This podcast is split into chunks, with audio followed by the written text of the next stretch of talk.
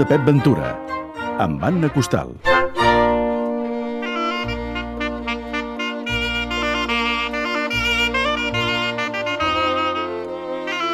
Anna, bon dia, bona hora. Bon dia a tothom. Parlem de Pep Ventura i la seva època en aquesta secció que vam encetar just el mes passat i avui, el mes passat recordo que parlaves d'orquestra copla, eren sinònims no, en aquell moment? Sí, eren paraules completament sinònimes, copla i orquestra, i s'utilitzava independentment, indiferentment. Quan apareix la copla per primer cop? Ho, ho sabem? Eh, hi ha documentació en aquest sentit? Sí, l'espècie humana tendim a buscar els orígens de tot i sovint no hi ha un origen, un principi fundacional, sinó que és una transformació, més en el cas de les formacions instrumentals. Aleshores, la copla de sardanes que ara tothom pot tenir al cap, eh, de 11 instruments, super tipificats i eh, que al llarg del segle XX i encara continuem tocant sardanes eh, doncs ha existit sempre, no és ben bé així. Hi va haver una transformació, de fet n'hi ha vàries, per dir-ho molt ràpidament, a principis del segle XVIII, per la Guerra de Successió, hi ha, un, hi ha un, una transformació molt gran. Hi ha uns instruments que es deixen d'utilitzar, uns instruments antics com les cornamuses, les xirimies, els baixons... Bé, es deixen d'utilitzar, però això no és mai de cop. A Catalunya aquests instruments continuen fins que al segle XIX encara continuen aquestes xeremies, aquestes cornamuses, especialment per fer els balls a l'aire lliure, i és que al segle XIX es transformen.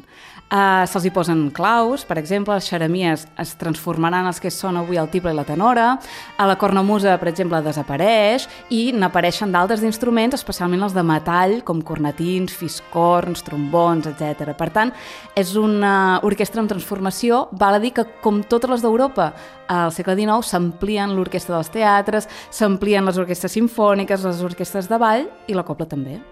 Les coples de l'Empordà, parlem de l'època de Pep Ventura i hem de situar-nos sobretot en aquestes comarques del nord-est de Catalunya, eren molt versàtils. Tant podien fer música dins un teatre com al carrer. Eren els mateixos músics que feien una mica diferents papers, oi? De fet, el més important no és que sigui en aquesta zona específica, sinó és la mida de la ciutat o del poble. Si tenim un poble o ciutat de 10.000 habitants, un sol músic o pocs músics hauran de fer la feina de tot perquè no hi ha lloc per a tothom com a músic professional. Si estem parlant d'una gran ciutat com Viena, per exemple, a l'època, o Barcelona mateix, doncs tindrem músics especialitzats. En aquest cas, els mateixos músics són poliinstrumentistes, toquen diversos instruments segons la funció que fa aquesta música. Per exemple, a les esglésies toquen violins, clarinet i encara baixons i serpentons a principis del XIX.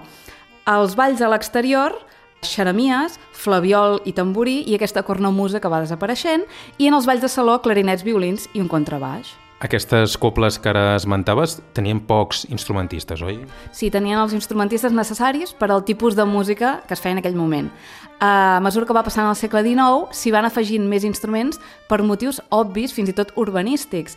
Es construeixen grans parcs, grans avingudes i quatre o cinc músics pobrets ja no poden fer el volum sonor necessari per a aquests grans espais i, per exemple, en el cas de els balls a l'aire lliure, que és la copla, s'hi afegeixen instruments de metall, moltíssims, cornetins, trombons, els fiscorns, altres que avui han desaparegut, com el saxhorn, els files o, o ficleides, i és clar, i aquí comença a haver-hi un problema, que és que les xeremies eh, comencen a tenir massa poca potència per tant de volum de metall. I és aquí on a la tenora, a la xeremia tenor, se li posa una campana metàl·lica, de manera que aquest instrument, que és la tenora, que és el més emblemàtic de la copla, brillarà i tindrà la potència suficient per passar per endavant de tot aquest metall. Aquesta evolució del conjunt és progressiu quan arriben el nombre fix que té actualment?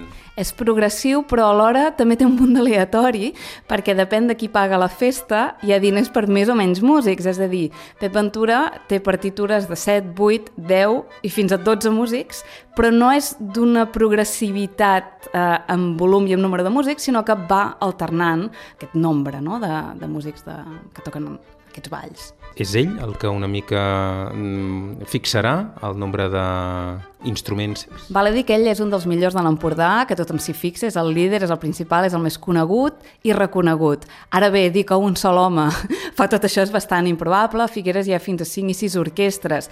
Val a dir que hi ha molta competència i si Pep Ventura arriba a posar dos trompes i per tant són 12 músics, les altres orquestres han de fer una mica el mateix i per tant aquest volum va creixent també a mesura que entre els músics es fan la competència i per tant eh, volen ser tots els millors. Val a dir que Pep Ventura és un dels millors, la seva orquestra és la que cobra més i la més reputada i per tant ell sí que s'ho pot permetre.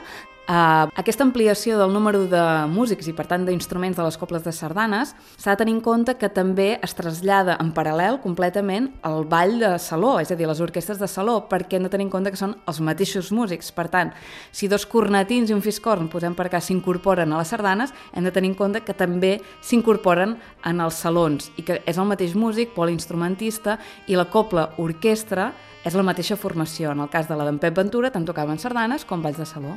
Però arribarà un punt en què les partitures o les sardanes estaran escrites per aquell nombre fixat. Això quan passa?